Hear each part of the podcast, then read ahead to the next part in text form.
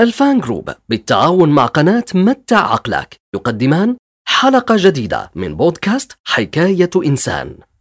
اليوم نتحدث عن أحد أعظم الرسامين والنحاتين في تاريخ العالم الفنان الأكثر شهرة في عصر النهضة الإيطالية الرسام الإيطالي مايكل أنجلو أحد عظماء عصر النهضة الكبار صاحب اللوحة الشهيرة خلق آدم. اليوم نكشف العديد من الأسرار عن حياته. كعدائه مع فنان آخر عبقري هو مايكل أنجلو أو حبه لسيدة استمر ثلاثين عاما أو علاقته الشاذة مع شاب. ولد مايكل أنجلو في السادس من مارس عام 1475 في مدينة كابريسي في إيطاليا وهو الابن الثاني من بين خمسة أبناء رزق بهم والده الذي كان يعمل قاضيا في المدينة. انتقلت العائلة إلى مدينة فلورنسا حينما كان مايكل أنجلو لا يزال طفلا. ووالدته كانت مريضة جدا لدرجة أنه تم وضع مايكل أنجلو مع عائلة تقوم بتقطيع الأحجار لكي تقوم أم أخرى بإرضاعه. وقد كان أنجلو دائم المزاح بشأن ذلك وغالبا ما كان يقول أنه تعلم فنون النحت الجيد من طفولته التي قضاها بين هذه العائلة. في مراحل عمره المبكرة لم يبدي مايكل أنجلو أي اهتمام واضح تجاه التعليم. فقد كان يفضل دائما التتلمذ على يد الرسامين العاملين في الكنائس القريبة وكان يقوم أنجلو بإعادة رسم هذه الرسومات مرة أخرى مع نفسه. كان أول من انتبه إلى موهبة مايكل أنجلو الفذة هو والده الذي لاحظ أن مايكل أنجلو لم يكن يرغب في العمل في مجال البنوك كبقية أفراد العائلة ولذلك وافق والده على أن يذهب في عمر الثالثة عشر لكي يتدرب مع رسام فلورنسا الشهير جيرلاندايو. بدأ مايكل أنجلو بدراسة فنون النحت الكلاسيكي في حدائق قصر حاكم فلورنسا لورينزو ميديشي وقد سمحت له هذه الفرصة بالتعرف على أرقى عائلات فلورنسا وأن تمنح له فرصة الدراسة مع النحات الشهير بورتولدو دي جيوفاني والتقرب من الشعراء والعلماء وكبار المؤثرين في الأدب والعلم. بعد موت لورينزو ميديشي المفاجئ والتغير السياسي الذي حدث بعدها اضطر أنجلو إلى الهروب إلى مدينة بولوغنا كي يقوم باستكمال دراسته ثم عاد بعدها إلى فلورنسا في عام 1495 ليبدأ عمله في النحت.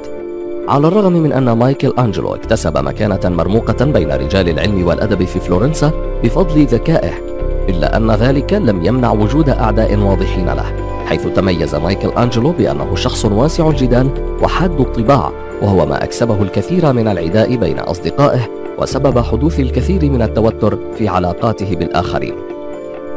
ومن المعروف تاريخيا وجود علاقة عدائية بين الفنان الإيطالي مايكل أنجلو وبين الفنان ليوناردو دافنشي العبقري الشهير الذي كان يكبره بعشرين عام. ونجد مايكل أنجلو سقط في بعض الأحيان في نوبات من الكآبة وكان في شبابه موضع سخرية من زملائه الطلاب وحصل على ضربة على أنفه شوهته مدى الحياة. فكان يعاني من الإجهاد البدني الهائل دائما من أعماله كرسم سقف كنيسة سيستن. وعلى الرغم من النزعة الشاعرية أو الرومانسية التي كانت كل رسومات وتماثيل مايكل أنجلو تزخر بها وتنم عن شخصيته العاطفية إلا أن مايكل أنجلو لم يتزوج أبدا وإنما ارتبط بعلاقة صداقة مع أرملة أرستقراطية تسمى فيتوريا كولونا وهي الأرملة التي كانت محور معظم رسومات وكتابات مايكل أنجلو. حيث كتب لها أكثر من 300 قصيدة شعرية لها وحدها وقد ساهمت علاقة الصداقة التي جمعتهم سويا في دعم ومساندة مايكل أنجلو في الحياة ومساعدته على تجاوز الكثير من الصعاب حتى وفاتها. بالرغم من هذه العلاقة القوية التي جمعته بهذه السيدة النبيلة إلا أنه لم يفكر بالزواج منها قط وقام بالارتباط في عام 1532 بشخص آخر يدعى توماسو دي كافالياري وقام بكتابة الكثير من القصائد الشعرية له.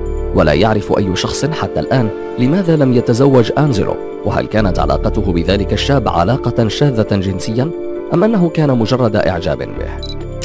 وعلى عكس الكثير من الفنانين الآخرين نال مايكل أنجلو شهرة واسعة ومكانة مرموقة تمتع بها في حياته بسبب ذكائه الكبير ومهارته في الرسم والنحت وكتابة الشعر. وكذلك بسبب إسهاماته في العمارة والهندسة. وكان من أشهر التماثيل التي نحتها تمثال بيتا الذي قام بتنفيذه وهو في عمر الخامسة والعشرين فقط والذي استطاع أن يكمله في أقل من عام واحد. وكذلك تمثال السيدة العذراء وهي تحمل جثة المسيح على حجرها. كما يذكر لمايكل أنجلو أنه صاحب الفضل في تحويل تمثال ديفيد ذو 17 قدم بعد أن فشل نحاتين اثنين آخرين في نحت التمثال. وبطلب خاص من البابا توجه مايكل أنجلو إلى الاهتمام أكثر بالرسم وذلك كي يعمل على تزيين سقف كنيسة سيستينا وربما يكون عمله على تزيين سقف الكنيسة هو ما ألهمه لرسم اللوحة العظيمة التي اكتسبت شهرة واسعة وهي لوحة خلق آدم التي يصور فيها مايكل أنجلو الإله وهو يدني أصابعه لكي تلمس أصابع البشري الأول. وربما يكون عمله في الكنيسة أيضا هو ما جعله يعلن عن لوحته الشهيرة Last Judgment والتي شعر فيها البعض أن الرسومات العارية للأشخاص فيها لم تكن تلائم رسمها على سقف الكنيسة ولذلك عرضها مايكل أنجلو بشكل منفصل عن عمله في الكنيسة.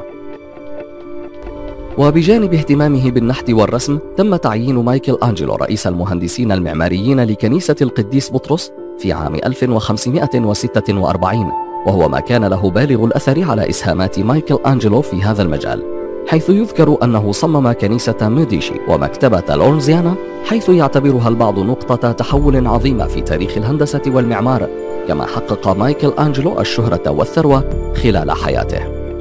وفي الثامن عشر من شهر فبراير سنة 1564 بعد أسابيع قليلة من عيد ميلاده التاسع والثمانين توفي مايكل أنجلو في روما بعد صراع مع المرض وقد تم دفنه في فلورنسا ليحتضن الثرى جسد وعقل أحد أعظم فناني العالم.